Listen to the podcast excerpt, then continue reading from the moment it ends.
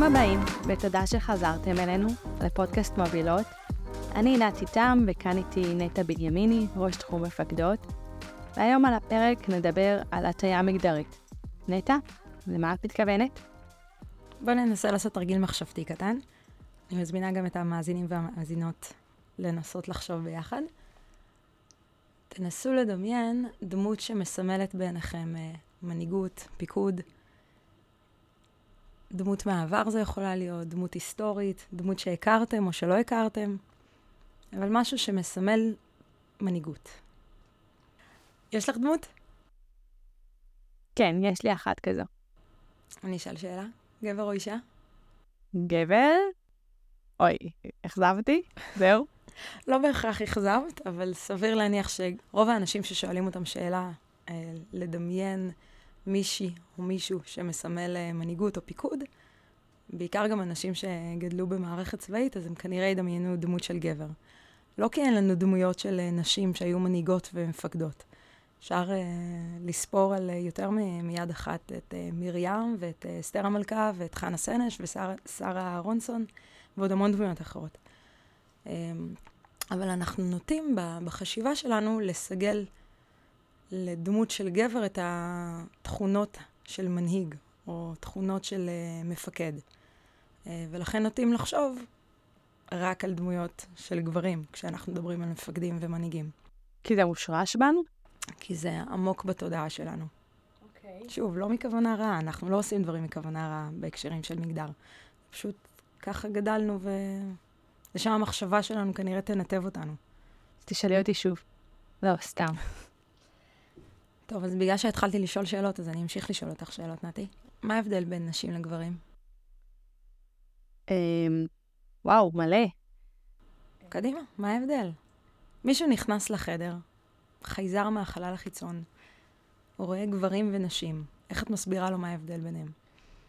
א', חיצונית, לרוב נשים עם שיער ארוך עם צבע וגברים עם שיער קצר, אה, אולי קצת לבוש. לא בהכרח. נכון, לרוב המקרים. אה, פיזיולוגי, נשים, הריון, מביאות ילדים, גברים לא. הם בפן הרגיש אולי רגישות יותר, אמוציונליות. בואי נדייק. ההבדלים בין נשים לגברים הם הבדלים פיזיולוגיים. כל היתר זה הבחנות, ציפיות, שזה התרגום של ההבדל הביולוגי-פיזיולוגי. אישה יכולה להראות ולהביא ילדים, ולכן אנחנו מצפים ממנה, וגם אבולוציונית, להיות יותר רגישה, אימהית, מכילה. אבל זה לא בהכרח אומר שזו תכונה נשית. אז מגדר זה למעשה הבחנות בין גבר לאישה שהן תלויות חברה ותרבות. שלקחנו את כל ההבדלים הביולוגיים והפיזיים אה, בין גברים לנשים, כי למעשה זה ההבדל היחיד בין גברים לנשים, היבטים ביולוגיים, ותרגמנו את זה למה הציפיות ומה ההבחנות שלנו כחברה. לדוגמה, אם היום נהוג שבעיקר נשים לובשות שמלות, בעבר המאוד רחוק, 200, 400 שנה, גברים גם לבשו שמלות. יש היום תרבויות שבהם זה הלבוש לגברים. אם אנחנו מצפים שנשים יצאו היום לשוק העבודה, לפני כמאה שנה לא ציפו מנשים לצאת לשוק העבודה, הם בעיקר היו בבית וטיפלו בעבודות הבית וטיפלו בילדים. אה, שזה גם משהו שהוא מאוד מאוד אה, מאפיין את התרבות ואת החברה שאת נמצאת בה. יש היום מדינות, הציפיות אה, מנשים באותה חברה זה לא לצאת לעבוד. יש חברות שנשים לא, לא נוהגות בהן, יש חברות שנשים אפילו לא מצביעות. שלנו זה נשמע לא סביר בעליל שלנשים לא תהיה זכות הצבעה, או שלא תהיה להם יכולת לנהוג ברכב. ואותן ציפיות ממש מעצבות את, ה, את החיבור בין נשים לגברים, ולעיתים אפילו מייצרים דפוס היררכי בין, בין הגברים לבין הנשים. שאם נסתכל על העבר, אז עולם העבודה הוא היה עולם גברי, שבו אה, גברים אה, עלו בסולם הדרגות, ואנשים לא, היו מחוץ לעולם הזה. וככל שהם נכנסו והתברגו פנימה, הם עדיין בהיררכיה, הם נמצאות במקומות שהם יותר נמוכים יחסית לגברים שמחזיקים שם בעמדות מפתח. זה נבע מה, מהשוני המגדרי שתורגם באותה חברה. באותה תרבות, בין נשים לגברים. אנחנו מסתכלים על זה גם אפילו ביחסי כוחות. מצפים מגבר להיות הרבה יותר חזק ומגונן על האישה שהיא יותר כנועה אולי, ואולי יותר חלשה. אה, וזה החינוך אפילו שאנחנו נותנים ל, לילדים סביבנו. ואיפה זה פוגש אותנו היום? אם אנחנו מרכיבים את המשקפיים המגדריים, אנחנו יכולים לראות את ההבדלים המגדריים והציפיות האלה וההבחנות בין נשים לגברים, בין ילדים לילדות. אני יכולה לתת לך דוגמה על, על הגן של הבת שלי. סביר להניח שלפני שנתיים-שלוש זה לא היה כל כך מפריע לי. אבל במסיבת סיום השנה, הגננת עשתה מסיבה עם המון אה, ריקודים ו- ושירים של הילדים, ובשלב מסוים היא הושיבה את כל, ה- את כל הילדים חזרה במקום וחילקה רק לבנים כובעים ומקלות הקשה. אז אני אמרתי, רגע, שנייה, למה הבת שלי לא מקבלת? לא שמתי לב בהתחלה שזה רק לבנים. היא השמיעה את השיר, וזה היה את השיר שלהם במדינת הגמדים, ויש שם אה, קטע גם שהצבא לובש מדים ויוצא למלחמה, והיא ביקשה מכל הבנות לעודד את הבנים, את החיילים החסונים של הגן, שצועדים במסדר ונערכים לקרב.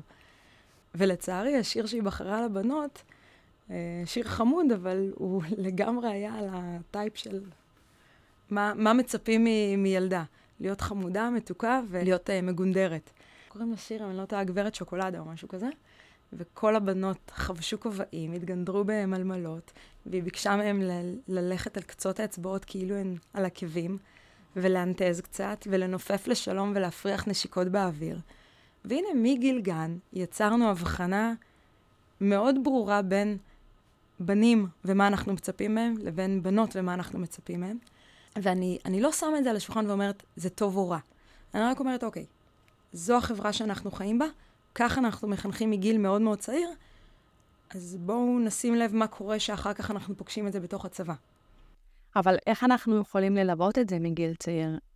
כאילו, את ישבת עם הבת שלך ודיברת איתה על המסיבת סיום, ואיך היא הרגישה עם זה? לא דיברתי איתה על מסיבת סיום, כי היא עדיין קטנטונת, ויכול להיות שזה משהו שבי היה אה, יותר צורם, אה, אבל שהיא מבקשת ממני לעשות דברים שכביכול אופייניים יותר לבנים. אז אני לגמרי מדרבנת אותה, שתעשה מה שטוב לה, מה שנעים לה. הרבה פעמים יש גם את הקטע הזה של ילדים, של לא, אני רוצה בצבע הזה, כי זה צבע של בנות, או זה צבע של בנים, אז אני מנסה לזרוק איזה משפט של, זה מתאים לכולם, ורוד זה יפה לכולם, או כחול זה יפה לכולם. אה, שוב, זה, זה דברים בקטנה. כן, כי כשאני רואה ילדה שמטפסת על הסולם הגבוה בגן שעשועים, אני אומרת, אוי, היא טומבוי. אבל אולי זה באמת נובע מאותן תבניות שמשרישים בנו מגיל מאוד מאוד קטן, ואת תלכי ותעלי על נעלי עקב ותהיי חמודה עם סמלמלה, וזה בסדר, אני מתה על ורוד וסמלמלות. אבל באמת להתוות לילדים שאפשר אחרת, שהכל בסדר. שאפשר גם וגם. מחקרים הראו שהורים לילדים קטנים נוטים יותר אה, לגונן על אה, ילדות מאשר על אה, ילדים. לדוגמה, בגן שעשועים, אנחנו נוטים לילד שמטפס, אז רק אה, לדרבן ולהגיד לו כל הכבוד, ולילדה שתטפס על הסולם הגבוה, להגיד לה, תיזהרי, שלא תיפלי, תחזיקי חזק. וזה עוד איזו הטיה שיש לנו בחשיבה שלנו, אה, שמושתתת מאוד מאוד עמוק. אני לוקחת על עצמי הרבה פעמים לעצור ולחשוב על מה אני מוציאה מהפה, האם זה באמת, זה מה שאני רוצה לחנך אליו, או זה פשוט ה... מה שהתודעה בעצם אה, מסלילה אותי אליו. גם ברוב המקרים זה לא הכרחי. כאילו, אם הבת לובשת כחול, זה לא אומר עליה כלום, כמו שאם הבת מטפסת על הסולם ותיפול, יכאב לה באותה מידה שיכאב גם לבן. נכון מאוד. אנחנו פשוט מגוננים בדרך כלל על ילדות יותר מאשר על ילדים. ואיפה זה פוגש אותנו בעולם הבוגר יותר? נשים ביחס לגברים? כשאנחנו מסתכלים על העולם דרך משקפיים מגדריים, אנחנו רואים שמגדר נמצא בכל מקום. בהורות, באיך שאנחנו בתוך הבית, מי, מי לוקח את התפקיד היותר משמעותי, ואם אנחנו ב-50 אחוז, 50 אחוז, אפילו במה שקופות חולים אפילו מצפות אה, מההורים ל, לילדים. הרישום האוטומטי שלך אה, אה, לקופת חולים, של ילד, הוא יהיה לפי האם ולא לפי האב. כי, כי זה ההבניה שיש לנו, זה האוטומט כבר שקופת חולים מכניסה אותנו לשבלונה הזאת. בכל הנורמות שלנו בחברה, אז יש הבחנות מגדריות.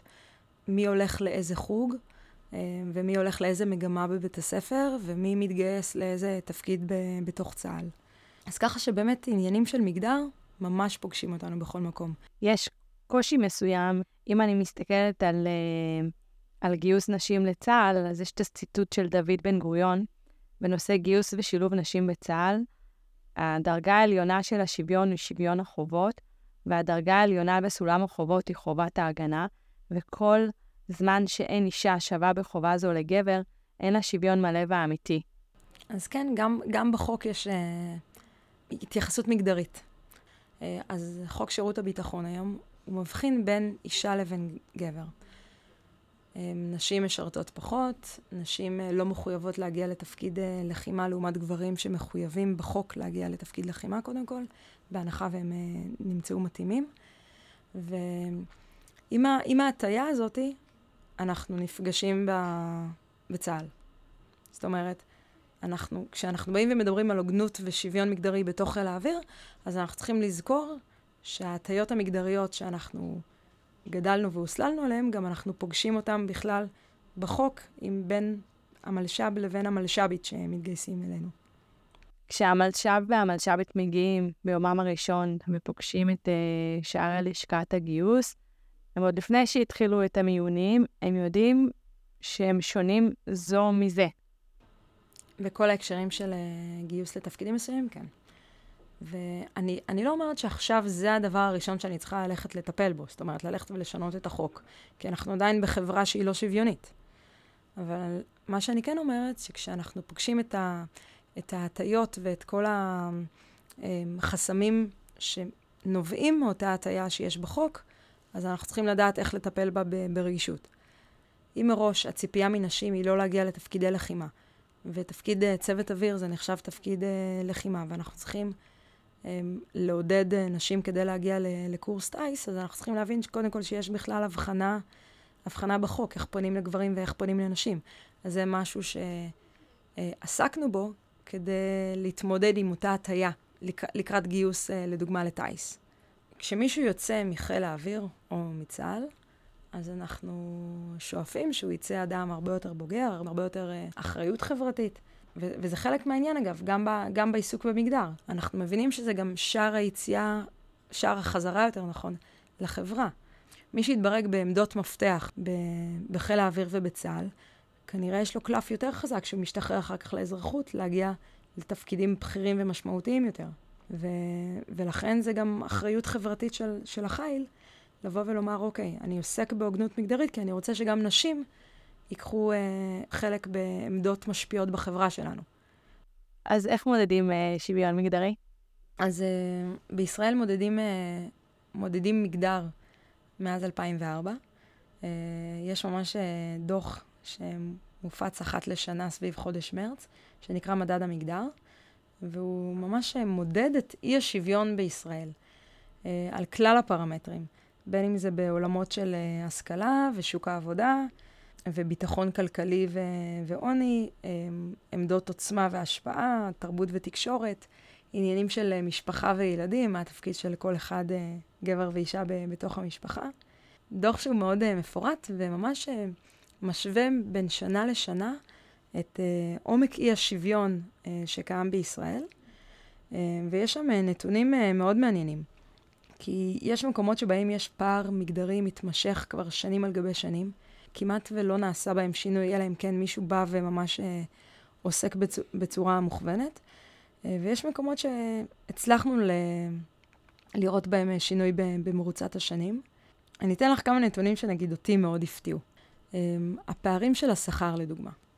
אני תמיד אמרתי לעצמי שנשים מרוויחות פחות כי הן עובדות פחות. אם מישהי בוחרת לעבוד פחות שעות, אז בהכרח היא תקבל פשוט שכר שהוא נמוך יותר. ומה ש, שגיליתי, שהפערים של השכר לטובת גברים, הם לא בהכרח על uh, היקפי משרה שהם uh, שונים, אלא גם על היקפי משרה שהם שווים לחלוטין, זאת אומרת, מספר שעות אל מול מספר שעות, וגם בחוזי העסקה אישיים יש פער מאוד גבוה של קרוב ל-50% בין uh, נשים לבין גברים. וגם זה מושת על הטיות מגדריות. עצם זה שגבר ואישה מגיעים לראיון עבודה, והמעסיק בוחר להציע בחוזה האישי לאישה שכר שהוא נמוך יותר מהשכר של הגבר, לאותה משרה בדיוק, זה אומר על ההטייה של מה אני מצפה מגבר לעומת אישה. זאת אומרת, איך אני מעריך גבר לעומת אישה. גבר אני מעריך יותר מאשר אישה.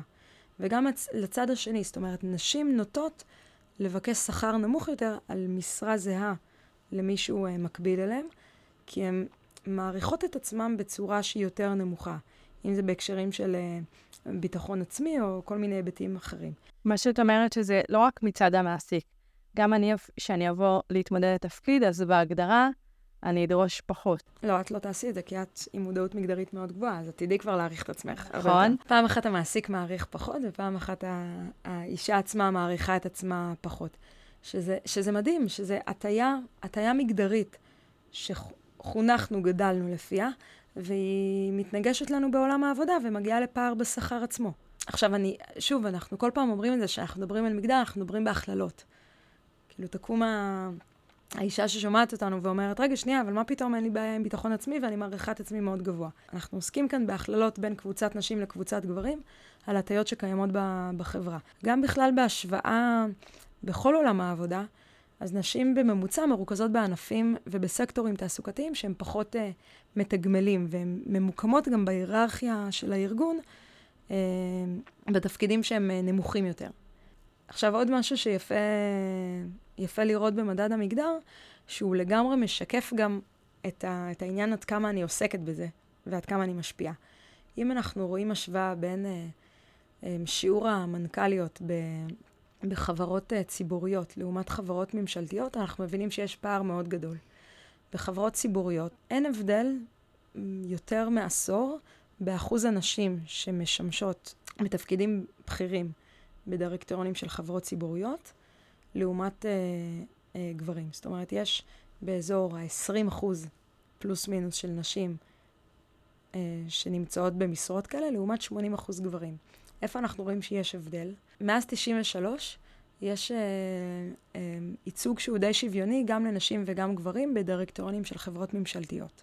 50 אחוז פלוס מינוס של נשים וגברים במשרות הבכירות שם. אז יקום המאזין ויגיד uh, שמשריינים uh, משרות, ואנחנו פה להגיד שזה בסדר בשביל לתקן טעויות עבר, שאתה תרצה לאייש אישה uh, לתפקיד בכיר כזה או אחר. בהתחלה זה יהיה ממקום מאוד טכני ומכני ולא טבעי, ולאט לאט זה יתחיל להתאזן. נכון. בגלל כל ההטיות שיש לנו בעצם בחברה, אנחנו צריכים לעשות ממש פעולה אקטיבית כדי לסדר את זה. אז איפה שלא נעשתה פעולה אקטיבית, לדוגמה בדירקטוריונים של חברות uh, ציבוריות, אין שם שינוי. זאת אומרת, שנים על גבי שנים אנחנו רואים את הפער בין נשים לבין גברים. איפה שיש שינוי, ויש אפילו חוק שמחייב ייצוג הולם לשני המגדרים, אז אנחנו רואים שאין פער. הנשים שנמצאות שם זה נשים מקצועיות ומצוינות, שנבחרו לאייש את המשרות האלה.